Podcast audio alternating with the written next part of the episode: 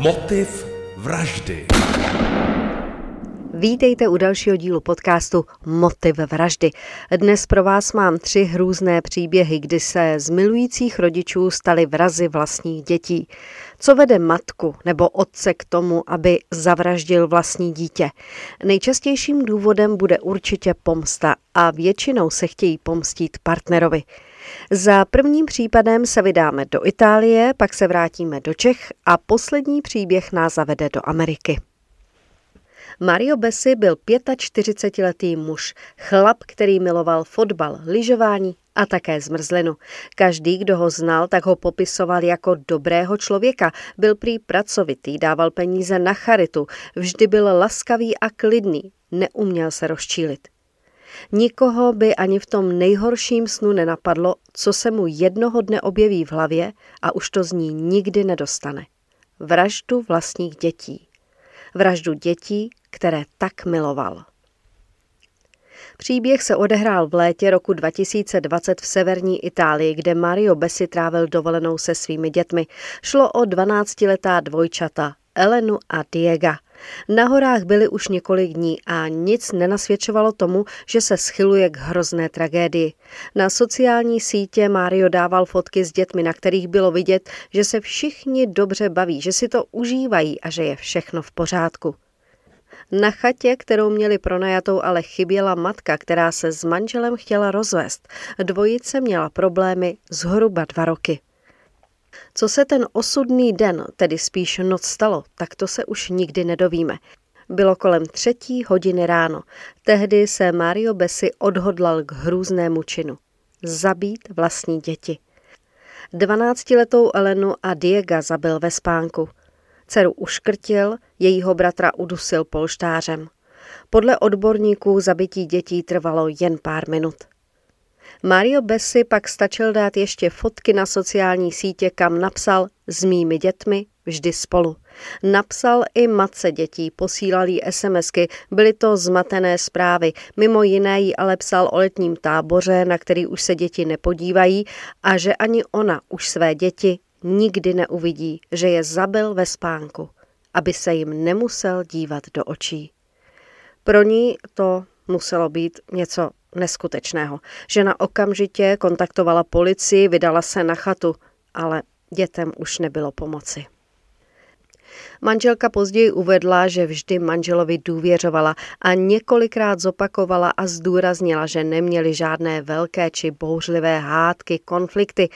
A dokonce i právník manželky prozradil, že ona manželovi nikdy nehrozila nebo nevyhrožovala, že děti veme, odvede, že by je nesměl výdat.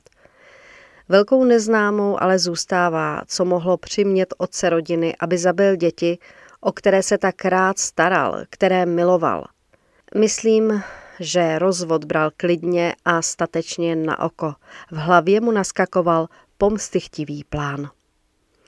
Neznámé to zůstane navždy, protože hned po činu Mario Bessi spáchal sebevraždu. Skočil z mostu. Fotografie najdete na Instagramu a Facebooku jako motiv vraždy. A vracíme se do Čech. Je docela možné, že tenhle případ budete znát. Přesto. Pavel Peca. Pavel Peca byl 44-letý otec dvou dcer. S rodinou žil v Plošti nad Labem. Peca pracoval pro bytový podnik, kde svážel odpadky, měl rád alkohol a pil i v ten kritický den. Z práce odešel o něco dřív. 19. května 1993 měli totiž v práci školení asi do 11 hodin, po kterém se mu už makat nechtělo. Z práce ale chtěl přijít domů jako obvykle, tak šel do hospody na pivo. Všimněte si, že nikdy nedělá dobře, když se manželé rozvedou a stále zůstávají ve společné domácnosti, ve společném bytě, domě. I jeho bývalá 41-letá manželka, s níž se rozvedl už v roce 1987, s ním žila v rodinném domě. Ale pozor, on to byl její rodný dům. Peca se z domu nechtěl hnout. Důvodem rozvodu bylo jeho nadměrné pití alkoholu a také jeho nevěra – Přesto Peca stále na manželku žádlil. Když ten osudný den 19. května 1993 dorazil domů, tak se manželka někam chystala. Údajně mu řekla, že půjde za novým přítelem a také mu vyčetla, že je z něj cítit alkohol. a začala hádka. V domě v tu chvíli byla i jejich 19-letá dcera. Po hádce si Peca došel do dřevníku pro sekeru. Manželka se šla převléknout do koupelny. Peca se vrátil, zamkl za sebou hlavní dveře a začal boj na život a na smrt. Začal hrůzný masakr. Nejdříve Peca zaútočil na dceru, která seděla v obýváku, když viděla otce vstala a on jí sekl do hlavy. Celkem jí zasadil devět ran. Manželka přiběhla z koupelny. Když dceru viděla v krvi, ex-manžela poprosila, a jí zavolá záchranku. Peca se ale vrhl i na ní. Ex-manželce zasadil sedm ran. Obě ženy zemřely téměř okamžitě. Peca si pak sedl, vzal papír a tušku a psal. Popisoval, co se stalo, co cítil a co tomu předcházelo. A v dopise se také objevila polemika o tom, zda má zabít i mladší 14-letou dceru, nebo jí má nechat být, nechat žít. A také tam psal, že spáchá sebevraždu. K tomu ale nedošlo. Nechtěl se prý oběsit, aby ho neviděli sousedi.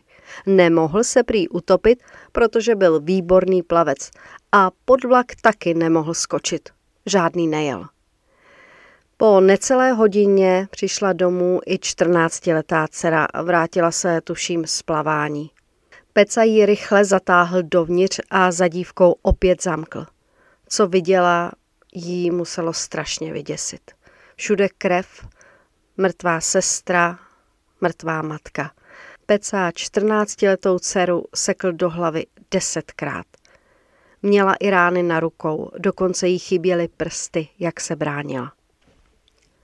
Po trojnásobné vraždě Peca odložil sekiru a na těla položil kopretiny.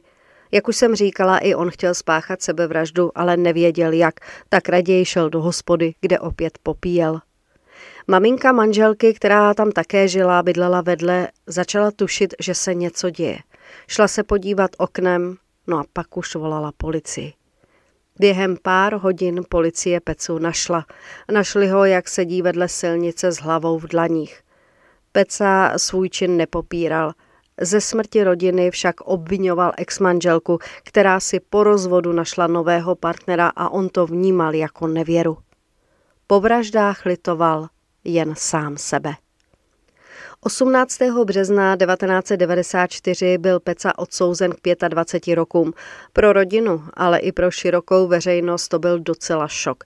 Za tři životy tak nízký trest – v zápětí vznikla petice, kterou podepsalo na 800 lidí.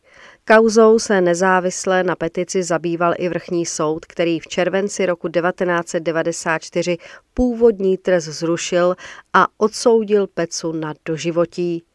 V roce 2012 Pavel Peca ve věznici umírá. V té době měl zažádáno o podmínečné prominutí trestu za vzorné chování. A je před námi dnešní poslední příběh. Psal se rok 1994 a celou Amerikou otřásl únos dvou dětí z Jižní Karolíny. Dvou malých chlapců, tříletého Michaela a 14-měsíčního Alexe. Jejich matka Susan Smithová plakala před kamerami a únosce prosila, aby jí děti vrátil. A co se podle verze tehdy 23-leté matky ten večer stalo? Susan nežila s otcem svých dětí, měla přítele, ale ten se s ní rozešel a to jí velmi ranilo. Ten den se s ním ještě snažila promluvit, on ale neměl zájem. Večer kolem půl osmé Susan vzala své syny do auta a jela se projet. Prý, aby si pročistila hlavu. Také se chtěla zastavit u kamarádky, aby vše probrali. S chlapci se zastavila u obchodního centra, něco nakoupila a opět se vrátili do auta. Policii Susan vypověděla, že byli na cestě ke kamarádce a když zastavili na červenou, tak dveře u auta otevřel muž s pistolí. Přinutil jí vystoupit, vyhrožoval jí smrtí a odjel. I s dětmi. Susan doběhla do nejbližšího domu a zavolala policii. Tato informace zahájila zběsilé hledání dětí. Amerika byla na nohou. Policii se ale něco nezdálo a na Susan Smithovou tlačili. V příběhu se začaly objevovat trhliny. Susan se po devíti dnech přiznala. Přiznala se k tomu, že děti připoutala do autosedaček a vůz, byla to vínová Mazda, odtlačila do jezera. Pro ty kluky, pro ty děti to musela být strašná, neskutečná smrt. Dle policie to udělala kvůli příteli, který neměl zájem o rodinu, o děti a který se k ní nechtěl vrátit. Pro vlastního otce dětí to byl také strašný šok, protože on celou dobu za tou Susan stál a věřil jí. Susan Smithová byla odsouzena v roce 1995 k doživotí s možností podmínečného propuštění po 30 letech, což se pomalu blíží. Susan za mřížemi napsala dopis, ve kterém vysvětlila, co se ten večer, co se tu noc pokazilo. V dopise píše, že děti nezavraždila kvůli chlapovi, že se také chtěla zabít, že chtěla spáchat sebevraždu dřív, než pravda vyjde najevo ale už to nestihla. Takže to měla být jako dvojitá vražda a sebevražda, ale proč? To není z dopisu jasné. Pokud jde o to, proč tehdy lhala a vymyslela si únos, napsala. Nevěděla jsem, jak říct lidem, kteří milovali Michaela a Alexe, že je už nikdy neuvidí. Nechtěla jsem jim ublížit. Jim ublížit nechtěla, vlastní děti zabila. Jezero John D. Long, kde chlapci zemřeli, se stalo morbidní turistickou atrakcí. Návštěvníci se tam hrnuli a stále hrnou. Pořizují fotografie nebo pokládají květiny na památku chlapců. Fotografie, na kterých mimo jiné uvidíte i Susan Smithovou v roce 1995 a nyní, najdete na Instagramu nebo Facebooku jako motiv vraždy. Milujte se, množte se a své děti ochraňujte po celý váš život. Mějte bezpečné dny a budu se těšit. Naslyšenou. Motiv vraždy se Štěpánkou Šmídovou.